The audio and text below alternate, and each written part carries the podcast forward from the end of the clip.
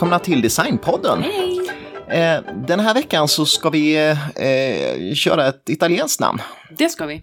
Eh, och det är ju Gio Ponti. Gio. Gio Nej, Ponti. Jag skojar, jag har ingen aning. och ja, men vi kände att ett stort namn och någon som är utanför eh, liksom det här Nordeuropa alltså, som vi har fastnat eller i. är det ett stort namn? Alltså jag hade ingen koll. Jag vet inte, Jo. har man det? Ja, det beror väl på vad, man, eh, vad för grejer man gillar. Eh, Mm. det, det, det som är lite kul, det finns, alltså, han har gjort både de här jätteexklusiva sakerna som kostar miljontals kronor på auktion och ganska billiga saker som folk har råd att, att ha hemma. Så att Mm. jag tror många har stött på en viss lätt stol som han har gjort, men den Haha. kommer vi in på senare. Det är bäst det. Men eh, jag tycker vi bara sätter igång avsnittet och sen så ser vi var vi hamnar någonstans. Eh, och som vanligt så heter vi ju Sanna och Andreas och ni lyssnar på Designpodden.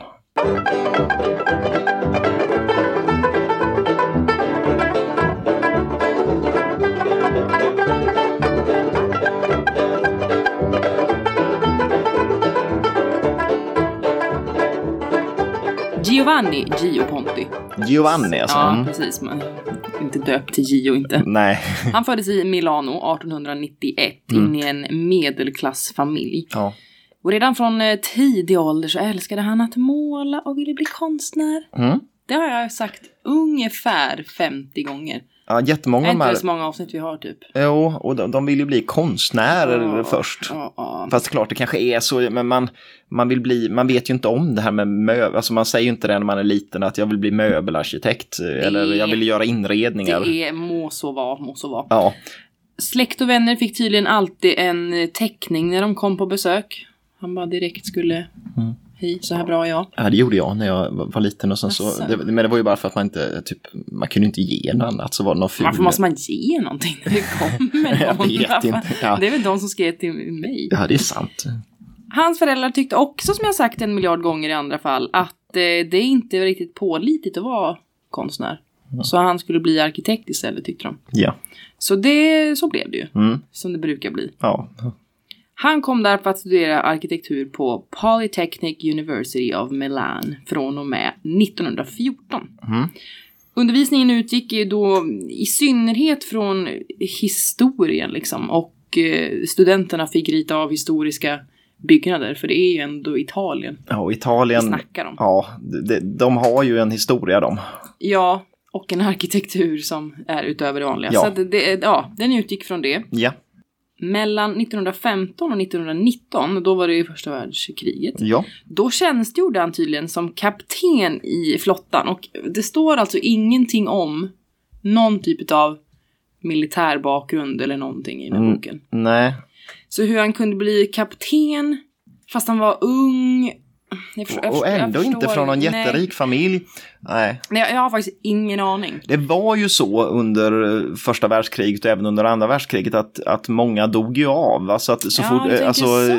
det var ju många unga som, som Ja, de var tvungna att låta dem få höga befattningar för att det inte fanns så många andra att tillgå då. så Just det, just det. det skulle kunna vara en sånt. spekulation, men ja, ja. men den var inte fel. Under den här tiden, i alla fall krigstiden, då sov de ofta i övergivna villor skapade av arkitekten Andrea Palladio. Mm. Och han kommer ihåg tydligt från när jag pluggade konstvetenskap och sånt. Ja, Det snackar man mycket om. Och han beskriver att det hade väldigt stor inverkan på varför hans egen stil kom att få klassiska tendenser. ja. Att det liksom, ja men det, det påverkar honom mycket att ligga där i de övergivna villorna. Han gillar, och alltså, samtidigt som det är krig så gillar han då eh, arkitekturen. Ja, då kan han uppskatta det. Det är ju trevligt. Ja. Sen när kriget är slut så fortsätter han att plugga och 1921 då är han klar och samma år så gifter han sig med en Giulia Vimercati som tillhörde Milanos aristokrati. Mm. De kommer att få fyra barn, inte på en gång men jag tar det. Lisa Giovanna, vilket ju då är det kvinnliga av hans Namn. namn. Ja. Letizia och Giulio som är då det manliga av, av fruns Namn. namn. Ja. Vilket jag ändå tyckte var lite kul. ja. Hans frus kontakter då med överklassen eh, var ju väldigt bra. Mm, det är klart det är bra att business. ha. Så han fick då snabbt uppdrag som arkitekt, fast han var helt nyexaminerad. Mm. Så det, det lönar sig. Lönar sig att ha bra kontakter. Ja. Hans tidiga formspråk var då nyklassicistiskt eh, utvändigt men ändå försökte han vara eh, modern och funktionell Mm. invändigt. Just det. Jag tänker inte ta massa exempel för att vi bryr oss ju inte så mycket om hus. Nej, jag, jag kommer sen att prata väldigt lite om hus också. ja, så att, men det, eh, det är så vi jobbar. Ja, det, ni vet. Ja. Det får, det Vi gillar, vi gillar prylar, vi är inte lika Exakt fast va, och vi vill ju inspirera er att, att läsa vidare om det låter skoj liksom. Ja, jo, men precis. Så vi kan inte dra allt. Nej, Om det är något som låter så är hunden. som äter ett tuggben. Ja. Ja, Ja, kanske hörs. tycker det hörs lite i bakgrunden. 28, då grundar Ponti tidningen Domus Mm. faktiskt. Ja, Som behandlar då arkitektur, design. Ja. Mm, Otippat. Ja. Nej, men det gjorde den i alla fall. Och det var under den här tiden unikt i italiensk journalistik. Så han var liksom the first. man tar ett egen magasin liksom med sånt tema. Exakt. Och Domus riktade sig inte bara till arkitekter och eh, konstnärer utan för alla som gillade ämnena. Mm. Och Domus kommer bli ett instrument för honom att nå ut med sina idéer och på så sätt försöka påverka den italienska arkitekturen. För han Mm. ville liksom föra den framåt ändå. Han var väl klassisk men sen kom han ändå att vilja framåt. Ja, blickade bak- Malmsten gjorde ju så också i Sverige. Liksom. Så här, blickade bakåt men Ville fram- ja, ville framåt. Ja. I början av 30-talet då började Ponti att undervisa på den här skolan som han själv eh, hade gått på. Mm. Polytechnic University of Milan. Mm. Vilket han kommer att göra ända fram till 61. Ja, Det är jättelång tid, ja typ 30 verkligen. år. Ja. Han kommer också att börja- påbörja ett samarbete med två ingenjörer som jag inte tänker ta upp namnet på för jag tyckte inte det var viktigt. Mm. Det var en italienskt. Mm. Och det här kommer att eh, förändra hans eh, liksom stil lite grann. Det är inte så Ja. mycket nyklassicistiskt längre för det kanske inte, kanske inte blev så när det var ingenjörer, jag vet inte. Nej, och det kanske blev mer modernt på något Mm, sätt. Där. lite grann. Mm. Men under hela 30-talet så hade han svårt att få sin arkitektur att bli mer modern. Han försökte Mm. hitta olika sätt hur han liksom skulle komma framåt helt enkelt. Ja, det. Han ville liksom inte använda de här äh, traditionella formerna längre och han tyckte inte att det fångade det typiskt italienska. Nej. Han eh, började undvika att inspireras av eh, Rom som allting annat utan resten av Italien. Liksom. Ja. Vilket ju säkert gjorde ganska stor skillnad. Ja, det är klart. För alla inspireras väl av Rom. Ja. 33, då organiserade han tillsammans med en Giuseppe Pagano Triennalen i Milano faktiskt. Just det. Och då var inspirationen eh, stor från Deutsche Werkbund. Ja, och då kommer vi till den här kopplingen till Exakt, eh, Deutsche exakt, Werkbund exakt. igen. Som, Så han eh, ville då förena design och industri för att uppnå högkvalitativa produkter. just det. Likt då Werkbund. Mm. Resten av världens industrier utgjorde väldigt stor eh, konkurrens för Italien. Mm. Vad gäller möbel Jo, det är och klart. hus. Ja. Han anordnade därför många tävlingar och priser angående detta för Mm. att liksom få igång landet lite grann. Ja. Ponti själv designade ju för en eh, jättemängd industrier för han, han gjorde allt möjligt. Mm. Glasindustrin arbetade han för. Han gjorde silver, bestick, gardiner, lampor, tusentals stolar, bord, soffor, andra möbler. Alltså han gjorde allting. Mm. Han gjorde också tydligen symaskiner, en espressomaskin och en bil. Ja, det är udda grejer däremot. Ja, det är allt. Ja. verkligen kan man allt. fan säga. Många produkter gjordes för utländska producenter för att sprida den italienska designen Mm. över världen. Och bland annat har han gjort möbler för Nordiska kompaniet. 50-talet var årtiondet då Ponti fick sitt internationella genombrott. Då med stora offentliga byggnader som bland annat för Iraks regering Mm. tydligen. Med ett projekt för att för, förnya Bagdad. Mm. Och där samarbetade han med bland annat Frank Lloyd Wright, Alvar Aalto, Le Corbusier och Walter Gropius. Så där började det ju hända grejer. Och här är ju de här modernistiska namnen som Exakt. han samarbetar med. Exakt, exakt. Mellan 52 och 58 gjorde han tillsammans med en Ture Wennerholm det italienska kulturinstitutet på Gärdesgatan i Stockholm. Ja. Och eh, det var ju kul bara för att det var i Sverige. Ja. Inte, inte egentligen för, för husets skull. Det var två byggnader som satt ihop med en eh, lång, eh, liksom eh, inglasad passage. Mm. Det ena huset är långt och smalt och det andra är typ kort och tjockt. eh, Och de är ganska så här, ja, ser sjukt tråkigt ut utifrån. Mm. Men det är insidan som räknas. Ja. Och där är det väldigt ljust. Massa marmor i eh, golv, Mm. såklart. Ja. Det är ändå Italien. Italien vi Ja. snackar om. Stora takfönster och all eh, inredning är då designad av Ponti. Allting från gardiner med geometriska mönster till stolar, bland annat den här eh, round chair som du ska prata om gjorde han faktiskt eh, hit. Ja, just det, han gjorde den till Mm. Stockholm där. Mm. Och en byrå i vit melaminplast med dekor i blå, grön och svart som var sjukt cool. Men den hittade jag inte någonstans förutom på Instagram när jag kollade hashtaggen, det här Ja. institutet. Så fanns Då det där. den. Ja. Den var svincool. Och eh, allt det här finns ju kvar idag, det är ju det som är det häftiga. ja, det är ju roligt att det Mm. inte är skingrat då, utan Exakt, så där står de. Mhm. Ponti kom att spela en oerhört viktig roll i formandet av italiensk design. Han vågade sticka ut och trotsa det här traditionellt italienska och mycket mera lekfull. mm. Och hans relation till materialen var tydligen också lekfull. Det står att när han, han nöjdes inte med första bästa liksom, bit trä, utan han skulle alltid gräva sig in i så alla vrår och leta udda delar som man Mm. kunde göra någonting kul med. Står också att han ofta skar marmor mot ådringen. Jag antar att man inte får göra det, att det liksom är... Nej, att man ofta, man ska inte göra det. Nej, precis. Så, så fick det liksom helt nya mönster. Mhm. Så han var liksom helt enkelt Lattjo Lajban. Ja, ville testa sig fram för att hitta så här, hur, vad gör man något nytt av det här? Lajban var Ja. det ordet jag tänkte Mm. på. Men det var det. Han eh, kom att arbeta aktivt fram till sin död den 16 september 1979. Mm. Det är strongt att alla alltid jobbar tills de dör tycker jag. Ja. Som vi pratar om. Nästan alla har ju verkligen jobbat in i kaklet. Är det så när det är typ ett kall? Att man kör Jag på? tror det, det är ju inte ett yrke då, utan det är ju Nej, verkligen är en eh, life. meningen med livet. Jag har en sista lite smårolig anekdot om Ponti. För tydligen var han med på en topp 100-lista av Italiens mm, bäst klädda män. Aha, Hans kläder som han designade själv var så här funktionella men ändå eleganta. mm. Och han var en gentleman som ändå beundrade kvinnor och det feminina. Så det är ändå ganska roligt. ja, En topp 100-lista över de mest klädda. i Ja, Italien. ja. Ja, ja, Italien är känt för så här mode och... exakt, mm. Och då blir det even better. Ja, precis. Det är Ponti det.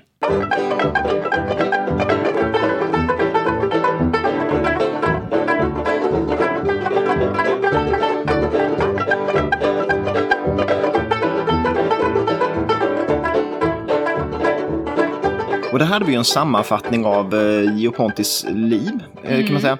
Eh, och då tänkte jag då dyka ner på några föremål och några miljöer som han har gjort och som är värt att nämna. Det måste jag. du. Jag har ju bara varit så grundlig. igen. Ja, och jag tänkte vi dyker tillbaks till 20-talet igen. Och mellan 1923 till 1930 eh, Eh, så eh, var han verksam vid något som hette eh, Richard Ginori som var en eh, keramiktillverkare. Och mm, det, 23 så tillträder han som eh, konstnärlig ledare på den här keramikfabriken. Mhm. Och det här var en firma som hade så väldigt långa anor i Italien. Den hade grundats redan 1735 av Oj. någon markis Carlo Ginori. Så Oj, att det oj, oj. kändes eh, kulturellt. Liksom. Vad är en markis? Mer än en sån här man har Ja, utanför i, fönstret. ja, det är väl det är ju någon form av adelstitel där nere Mhm. va? Ja, Ja, jag, tänker bara... jag vet bara markisen av Carabas hette han i, så här, i, i vad heter det, Mästerkatten av eh, Mästerkatten. Sju- Ja, de där st- stövlar. ja. Ja. Strunt samma. Men eh, 1896 slogs den här eh, då, det här eh, Ginori samman med Milanoföretaget eh, Augusto Richard och eh, blev då, då liksom en, eh, ja, ska man säga, en, en, en ny, mm, ett nytt företag som ny producent inom keramiksektorn. Och eh, grejen var ju att eh, när eh, Ponti kom hit då, då Eh, började han ju, han, han tog sig an det här med det här serieproducera och eh, så att han tänkte vad, vad ska, bör man göra? Och då bestämde han sig för att man skulle ordna keramiken efter olika familjer. Eh, och det var ju ett sätt liksom att göra det lättare för konsumenterna och vända sig mer liksom till en serieproduktion. Eh, och han började också att eh, ge ut produktkataloger. Det hade man inte gjort tidigare och det hade man säkert inte gjort på keramikfabrikerna på det sättet innan. Um, och det Ponti gör, och det är ganska typiskt för honom då, det är att han börjar leta i arkiven först och främst och hittar gamla outgivna modeller. Lämpligt. Men sen så moderniserar han dem Mm. efter eget, eh, egen tycke och smak. Då, va? Så att han tar tillvara det gamla men han försöker föra in det i någonting nytt. Och hur såg de där grejerna ut då? Jag vet inte, om man inte har sett dem så kanske man ska beskriva. Det, det är lite, det är ju klassiskt antikt romerskt sådär, men det blandas med något som känns som kitsch och pop och nyklassicism. Så att det låter ju blir... svårt att tänka sig. Ja, det, det är liksom lite överdrivet och lite, det känns ju lite, lite Fonasetti nästan och, och det kommer vi komma in på lite senare. Bra, bra. Men det här är ju naturligtvis passion väldigt populära saker och eh, just i och med att det är tidigt och det är väldigt eh, spektakulärt. Mm. Och jag tänkte nämna några auktionspriser och jag har mm, 3, 2, 1 här och i de högsta noteringarna Ja, jag hittade. Ja. Och nummer tre då, då är det något som hette, de kallar den covered base, alltså en, eh, ja det är ju en vas med lock helt enkelt, Ja. från 1928. Och det är en vit eh, krukformad vas med en guldrand på. Eh, Och det låter inte så kul, men locket är väldigt spektakulärt. Mm. Och, och det är en, liksom, ett genombruten dekor med eh, eh, två kvinnogestalter som står mot varandra. Eh, Och det är väldigt eh, ja, men avancerat och dessutom att det överhuvudtaget är helt från 1928 är ett under skulle Ja, jag säga. För, men det här såldes på Philips i New York 2011 för 546 000. Mm, Okej, det är sådana här priser vi snackar Ja, det är de priserna. time. Ja. Okej. Så det är nummer tre här. Nummer två. mm. Det är en urnformad vas med snäckformade hänklar från 1927. Och den har en dekor i form av ett grovt rep som slingras runt vasen och sen så är det en knop mitt på. Mm. Havstema. Ja, havstema helt enkelt. Såldes på Christie's i London 2010 för 887 000. Oj, oj, oj. Och så kommer vi till den dyraste då jag hittade från den här Richard Ginori. Och det är en urna som, den är likadan som den här förra som har den här snäckformade hänklarna och det. Eh, men du har en blå bottenfärg istället och dekoren är nakna kvinnor som ligger i guldblad. Eh, och sen så har den arkitektoniska element också i bakgrunden. Den har lite som så här lite romerska, lite akvedukter och sånt där på. Alltid ska det Eh, vara kvinnor. Ja, det, blir kvinn- men det blir dyrt. Och det, såldes på Christie's i London 2017 för 1 160 000. Oh, wow. Så det är det dyraste keramikföremålet jag, jag hittade när jag sökte. Sen som du nämnde där på 20-talet så gjorde ju Ponti en hel del eh, möbler och inredningar som var väldigt exklusiva och som gjordes åt de här liksom, överklassfolket som eh, hans fru kände då. Yeah. Men då kan man nämna också att han gjorde faktiskt en del liksom, eh, serieproducerat lite billigare också samtidigt. Ja, och han hade väl någon sån tanke utifrån modernismen ändå att man skulle serieproducera och kunna göra möbler till folket. Va? Och det gjorde han åt en varuhuskedja i Italien, La Rinascente.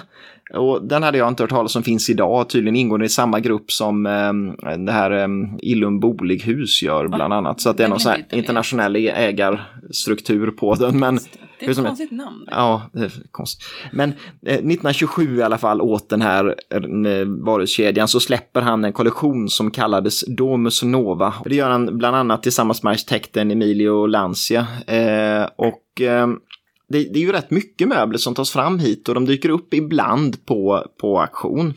Och jag har hittat ett par noteringar på grejer ifrån den här eh, serien och det bland annat såldes på Wright 2007 en, en sex stycken matstolar som, och de känns ju ba- bara väldigt mycket klassiskt här, italienska stilstolar nästan. Ryggen är ja, lite så här krusidulliga. Men sen är benen kanske lite ponti då för att de är väldigt graciösa och väldigt svängda neråt avsmalnaden så. så att, ja, Ja, det så- Men där såldes sex stolar för 108 000. Så att trots att det är den här lite mer enkla serien så kostar det ju pengar. Mm. Jag hittade också ett skåp som hade sålts på Wright eh, samma år, då, 2007. Eh, och det var i mörkt fruktträ med runda mässingsbeslag. Och det blir mässingsbeslag en lite sån kul detalj på det. Eh, men grundformen kändes nästan som malmsten nästan där. Så att eh, så här stor botten och sen så lite smalare rak över, Jaha. överdel. Men det här skåpet såldes för 119 000. Men sen när man kommer in på 30-talet och Ponti så eh, då är ju, eh, alltså 1931 eh, då tillträdde han som konstnärlig ledare igen för ett annat företag, eh, Luigi Fontana. Eh, och eh, det här var ett glas, glasföretag som hade grundats 1881 eh, med fokus på planglas för industrin. Och det låter ju oerhört tråkigt och det var det nog också. Vad är det? Ja men det är ju liksom sådär glasskivor helt enkelt. Det låter ju väldigt, väldigt tråkigt. Ja, men han tillträdde där för att göra just så här bruksföremål och så i glas. Och när han gör det så knyter han till sig andra, bland annat arkitekten Pietro Chiesa och eh, då bildar han Fontana Arte. Och det är ett företag som finns kvar än idag. Och där var liksom tanken att, att liksom mer liksom ha produkter som kändes mer hantverksmässigt eh, framställda då. Och eh, här ritar han ju, han är verksam där väldigt länge in på 60-talet. Liksom, eh, där ritar han en hel del eh, olika föremål. Och bland annat eh, bordslampan Bilia. Och Bilia i Sverige känns som ett företag som tillverkar, eller säljer bildelar. Ja, för att det, det de gör ju reklam. Men, men Bilia, eh, den ritade han 1932, så det var året efter han tillträdde. Och den här lampan, den, den består av ett glasklot som balanserar uppe på en kon. Eh, Så att den är Jaha. för sin tid väldigt, väldigt tidig. Känns som en 60-tals skapelse. Liksom. Och den, är, den är väldigt fin och finns ju i produktionen idag. Eh, Det låter cool. ja, den är, den är en av hans roligaste lampor tycker jag. Eh, han ritar en del andra grejer dit också. Han ritar ett pelarbord som idag säljs som eh, tavolino, men, men det betyder ju bara bord på italienska, så att jag vet inte om det hade något namn på den tiden. Liksom. Det hette väl knappast bord. Men det är ett pelarbord som hade två tjocka runda glasskivor. Eh, och sen så var det en jättetjock pelare i mitten som de här bars upp, som skivorna bars upp av. Eh, så det var både bord och, och eh, lampor. Och Fontanarte finns ju kvar än idag. Eh, och eh, tillverkar en del av Pontis grejer. De tillverkar Bilia-lampan i, och i stål och glas kostar den 5300 kronor ungefär. Eh, det här pelarbordet däremot som kallas då Tavolino eh, kostar 21 000 idag. Så det är ju ganska dyrt för ett pelarbord. Däremot lampan tycker jag inte var så farligt. Nej, kanske är rimligt. Ja.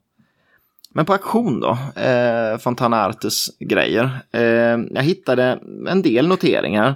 Och då har vi Wright igen, eh, som hade sålt en Bilia-lampa 2002, som var en tidig eh, variant, som såldes för 21 000. Mm. Eh, men då hade istället Philips 2016 sålt en som kändes en likadan Bilia-lampa då som kändes som ungefär samtida som den andra.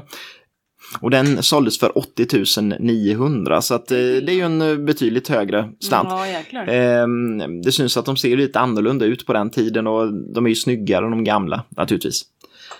Sen hittade jag ett pelarbord också som hade sålt, så det var på auktion i Italien. Och det såg inte riktigt ut som de här pelarborden som säljs av Fontanarte idag. Eh, Det såg lite annorlunda ut. Sen hade det jättesnygg gammal patina så att det var väl ett ifrån 30-talet. Eh, Och det bordet såldes 2015 för 93 000. Eh, Så att ja, det är ju betydligt mer än vad ett, ett nytt kostar. Ja.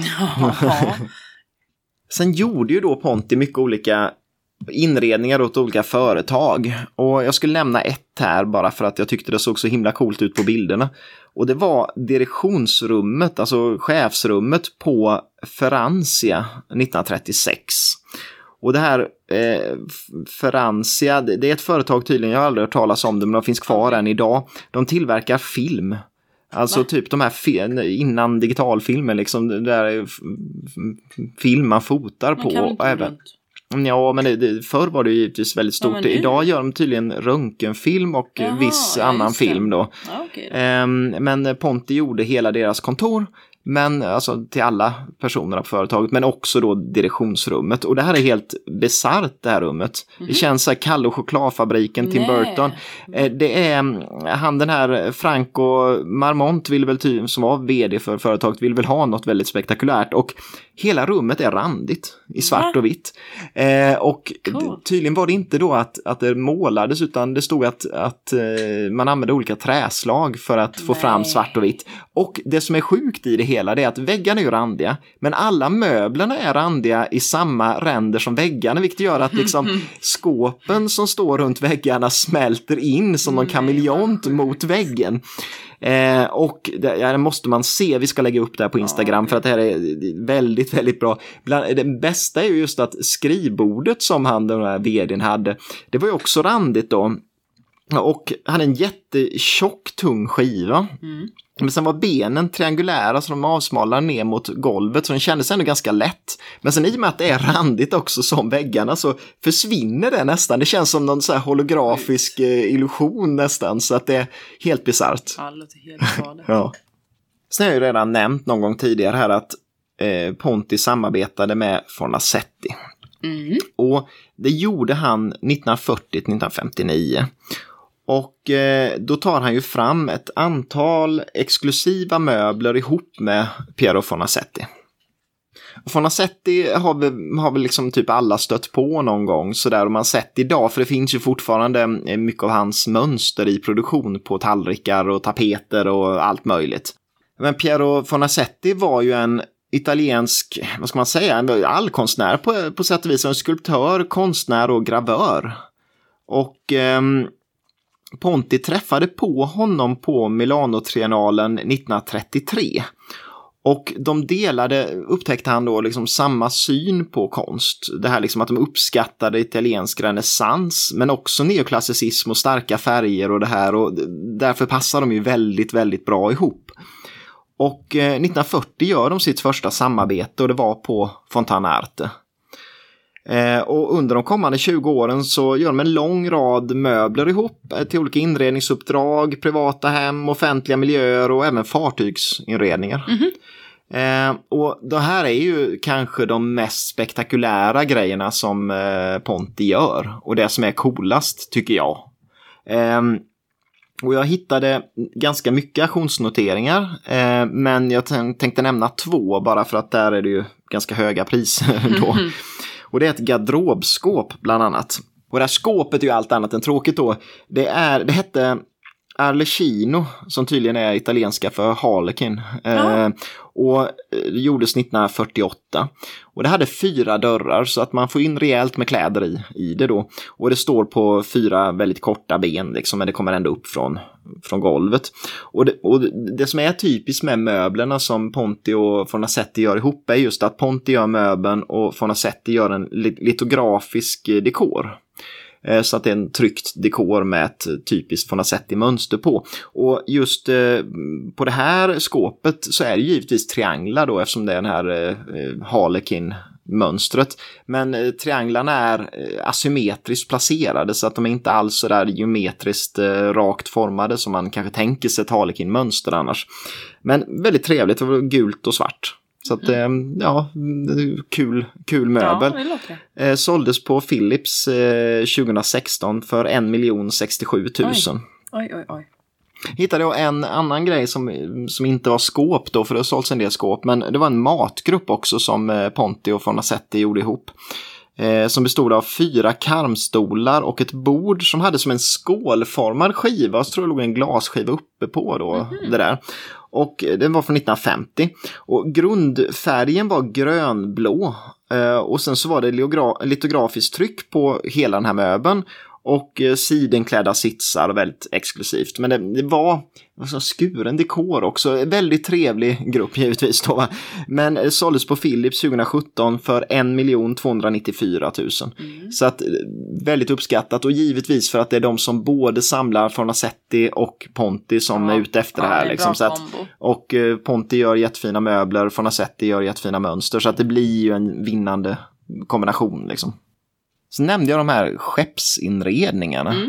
Eh, och Ponti gör ett antal skeppsinredningar eh, sent 40-tal, början av 50-talet. Men det här började redan egentligen på 30-talet med att han visade upp en prototyp för en exklusiv hytt på en transatlantisk eh, som ångare då, eller något skepp. Titanic. Eh, ja, men typ så. Eh, på triennalen i Monza. Men det här är ju på 30-talet och så kommer ju andra världskriget där. Så att det gör ju att det blir ju inte liksom, det blir ju inga transatlantiska skepp för Italien då under den här perioden. Så att det här tar ju tid, men efter andra världskrigets slut, då ska man ju bygga om de här skeppen som finns i Italien, både de här civila skeppen och militära skeppen för att kunna köra eh, civil mm, trafik på Atlanten igen. Och då behövs det ju nya inredningar. Eh, ja, men då, då ska bland annat Ponti ta fram de här. Och eh, han ritar ju inredningar till flera av de här viktigaste, mest kända skeppen. Och det var bland annat Andrea Doria, Conte Grande och, och Conte Bianca Mano heter den tydligen. Ja, det sjunker. Ja, det sjunker. Eh, Andrea Doria. Andrea Doria. Ja. För att eh, Andrea Doria är ju mest känt för att 1956 så krockar det med MS Stockholm utanför New York Ja. och eh, Andrea Doria sjunker och eh, nästan 60 personer dör. Så att, Precis, Eh, det- och i Seinfeld så får en gubbe en lägenhet framför George för att han var en Andrea Doria survivor. ja. Där har vi det. Och har. Ponti har ritat inredningen till Jag Andrea Doria. Om man säger, det här är väldigt typiskt, vi gjorde ju ett avsnitt om MS Kungsholm. Och det är Sveriges kanske mest kända fartyg när det gäller liksom konst och arkitektur. Eh, och Ponti delar ju eh, samma grundfilosofi som man gör på MS Kungsholm. För att hans vision är ju att det här ska inte vara ett fortskaffningsmedel utan det här ska vara ett sätt att visa landets konst och, och kultur. Så att därför så eh, handlar det om att göra spektakulära inredningar men också liksom ja, eh, konstverk ska man visa där, man ska visa skulpturer och så. Så att eh, det är ju väldigt liknande just filosofin som gäller för MS Kungsholm. Och Ponti var ju tidig med mycket av det man idag förknippar med de här liksom spektakulära fartygen.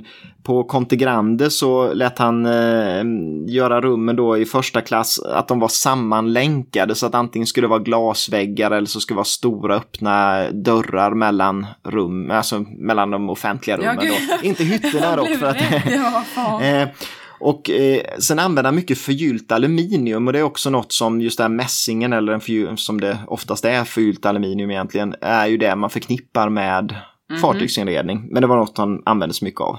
Så att ja, jag tyckte det var värt att nämna just det här med skeppen. Ja, men lätt. Det var roligt hittills.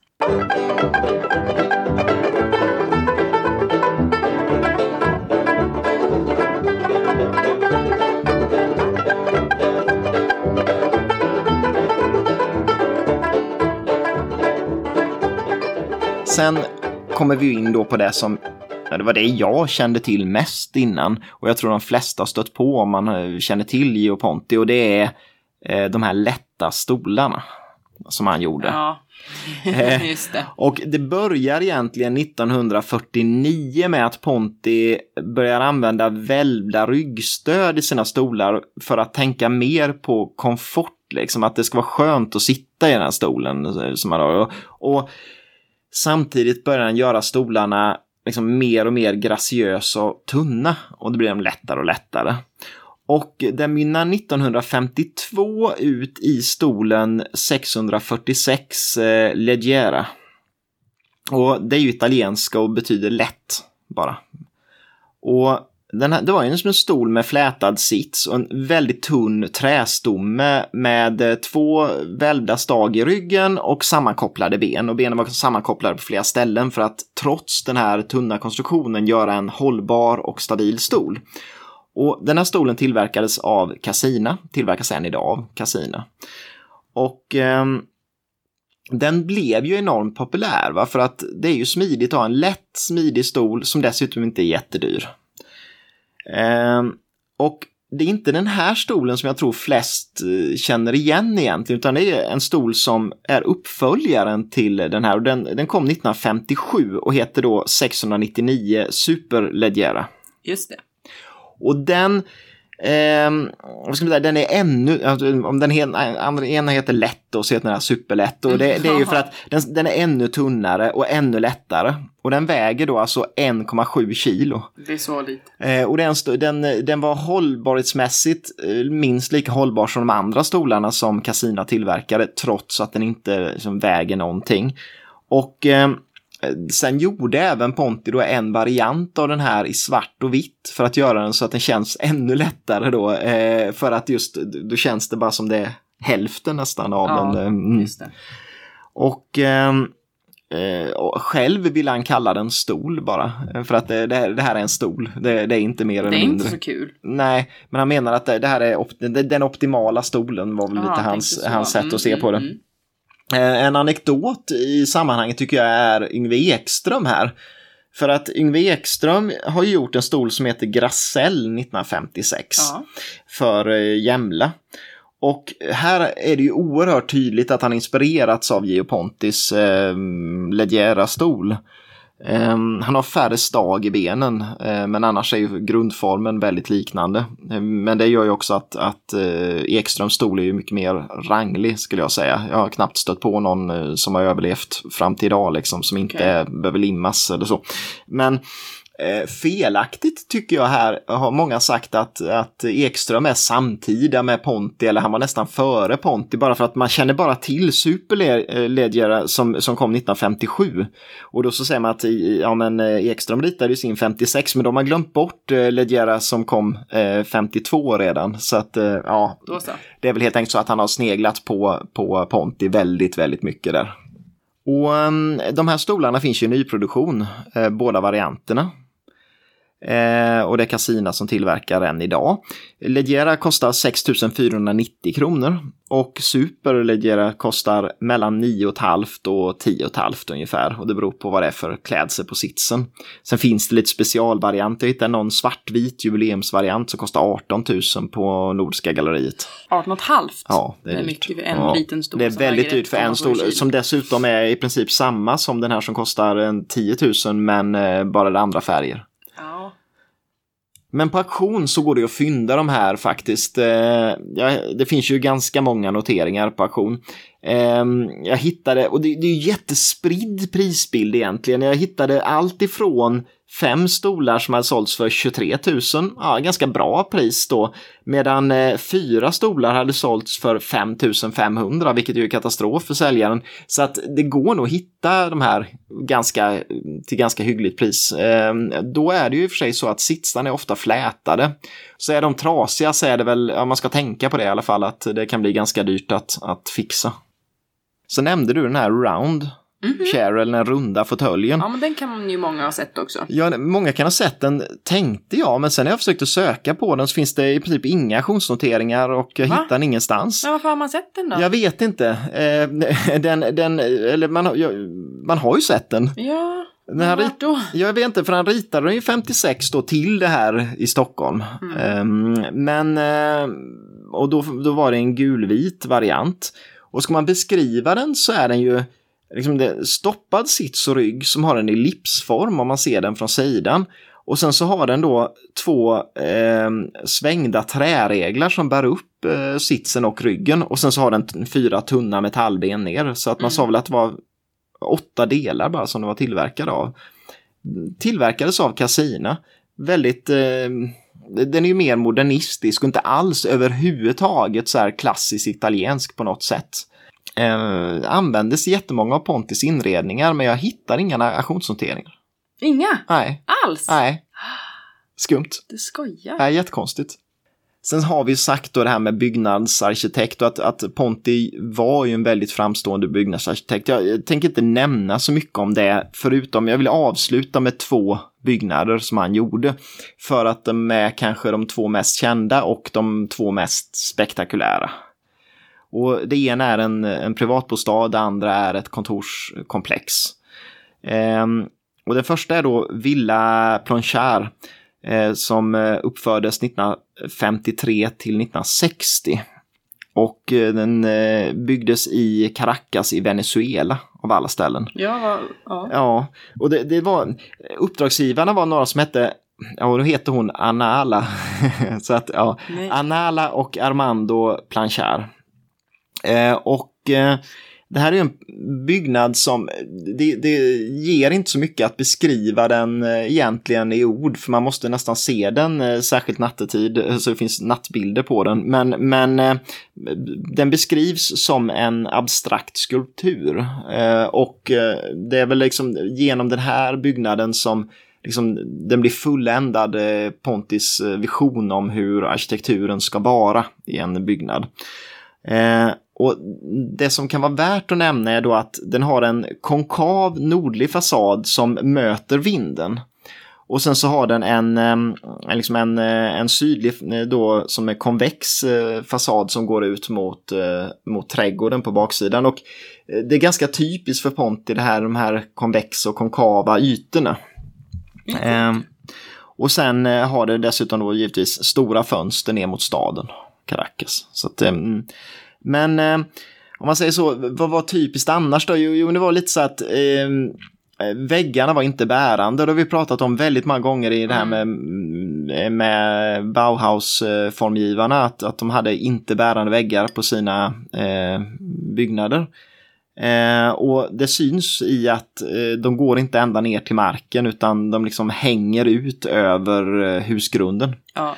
Eh, och det som är coolt med huset är när man ser bilderna på natten, för det känns nästan som en modern LED-TV eller något sånt där, va? för att den har den här eh, liksom, det, det, sitter ljusramper runt om huset som gör att det nästan ser ut som det svävar i luften som något ufo så här, så att det är verkligen ja, riktigt coolt är det.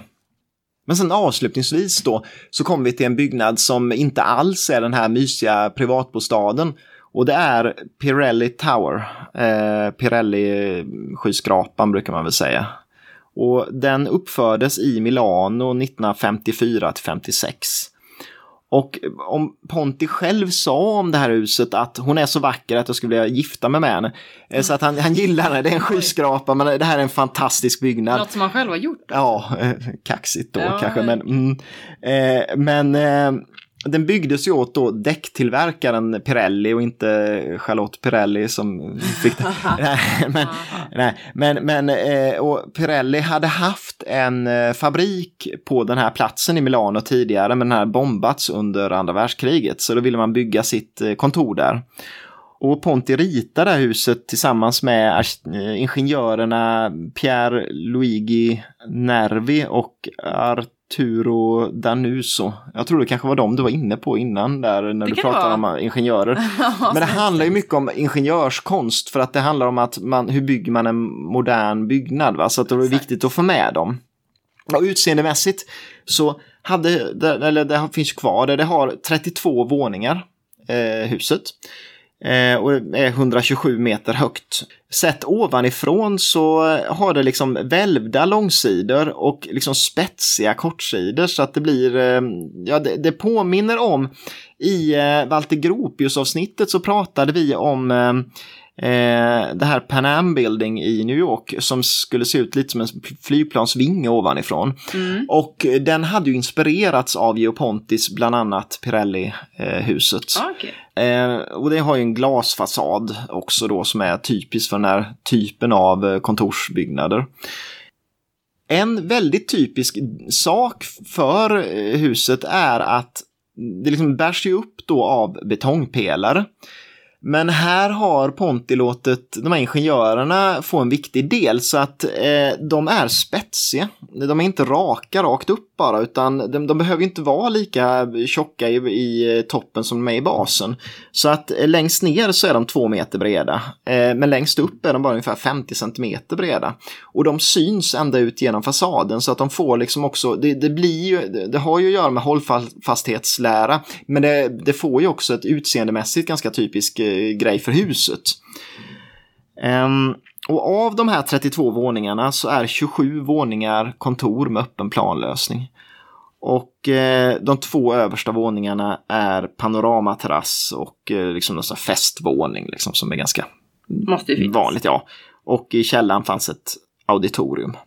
Och Pirelli har ju det här huset ganska, men fram till 1978 i alla fall då. Eh, och då tar parlament, lo lokala parlamentet där över så att det blir kommunhus liksom. Eh, låter inte så kul men. Nej, det är en aldrig. anekdot man kan nämna om det här är att i april 2002 så kraschar ett flygplan in i 27 våningen eh, på skyskrapan mm. och eh, det här är ju ganska snart ändå efter, det är ju mindre än ett år efter eh, 11 september när eh, liksom, terrorattacken mot World Trade Center så att det blev väldigt uppmärksammat först men det var tydligen någon pilot som hade flugit fel. Men det, det byggdes, byggdes upp igen, eh, de här våningarna och så, så att det finns kvar. Så det kan man kika på också tycker jag.